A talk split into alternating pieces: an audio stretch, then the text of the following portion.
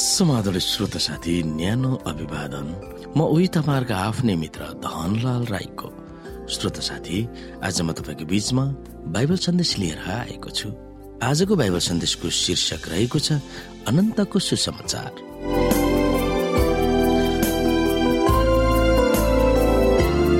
श्रोत साथी यस अनन्तको सुसमाचार भन्ने बाइबल सन्देशमा हामीले विशेष गरिकन अध्ययन गर्नुपर्ने बाइबलीय मूल पदहरू रहेको छ।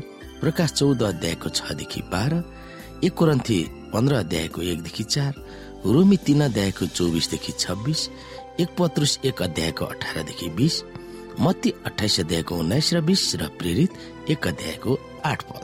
र यस अध्यायमा हामीले सम्झनु पर्ने पद अथवा मेमोरी गर्नुपर्ने बाइबलीय भर्स रहेको छ। प्रकाश चौध अध्यायको छ पद। यहाँ भनिएको छ अनि अर्को स्वर्गदूतलाई मध्य आकाशमा उडिरहेको मैले देखेँ। पृथ्वीमा रहने हरेक जाति कुल भाषा र मानिसलाई घोषणा गर्ने अनन्त सुसमाचार तिनीसँग थियो। श्रोत साथी पौराणिक इजरायलीहरूको वरिपरि रहेका देशहरूले दाउरा र पत्थरका देवी देवताहरूलाई पूजा गर्दथे। सबै छिमेकी राष्ट्रहरू भन्दा छुट्टै पहिचान बोकेका इजरायलीहरूले परमेश्वरको बारेमा छुट्टै घोषणा यसरी गरिएको थियो। हे इजरायल सुन परमप्रभु हाम्रा परमेश्वर एउटै परमप्रभु हुनुहुन्छ।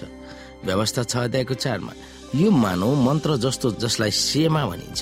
शताब्दीदेखि यहुदीहरूले यो उच्चारण गरिरहेका छन्। यो सेमाको अर्थ प्रार्थना हो जुन हिब्रू भाषाको सुन भन्ने शब्दबाट आएको हो। यसले इजरायलीहरूलाई एकत्रित पार्ने आत्मिक प्रतिबद्धता हो। यसले केवल एक सत्य परमेश्वरको उपासना गर्ने भनेर विशेष जनसमूह भनेर चिनाइएको छ। यही सेमाको आधारमा तिनीहरू एक जाति भएर बस्ने बल मिलेको थियो।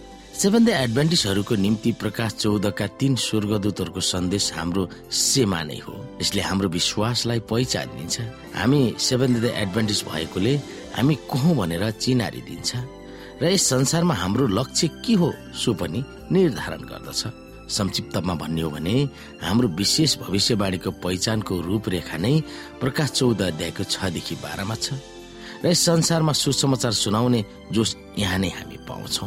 श्रोत साथी हामी यहाँनिर हेरौँ प्रकाश चौध अध्यायको छदेखि बाह्रसम्म। यहाँ भनिएको छ अनि अर्को स्वर्गदूतलाई मध्ये आकाशमा उडिरहेको मैले देखेँ। पृथ्वीमा रहने हरेक जाति कुल भाषा र मानिसलाई घोषणा गर्ने अनन्त सुसमाचार तिनीसँग थियो। तिनले चर्को स्वरमा भने परमेश्वरसँग डराओ र उहाँलाई महिमा दियो किनकि उहाँका इन्साफको घडी आएको छ। स्वर्ग पृथ्वी समुद्र र पानीका मूलहरू बनाउनु हुनेलाई दण्डवत गर। अनि एउटा अर्को स्वर्गदूत अर्थात् दोस्रो चाहिँ यसो भन्दै पछि पछि लागे पतन भयो जाति जातिहरूलाई आफ्नो व्याविचारका क्रोधको मध्य पिउन लाउने महान बेबिलोनको पतन भयो।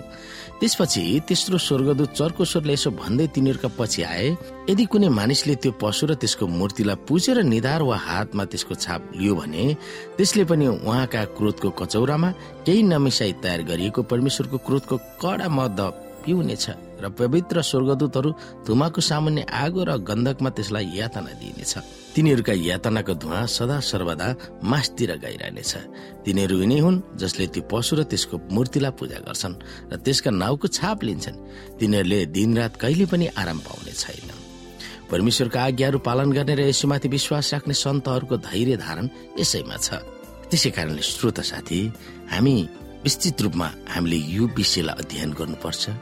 र अनुग्रहको आँखाले हेर्दै हाम्रो हृदयमा परमेश्वरको आवाजलाई सुन्दै हामी रहनु त्यो नै हाम्रो निम्ति बुद्धिमानी हुनेछ।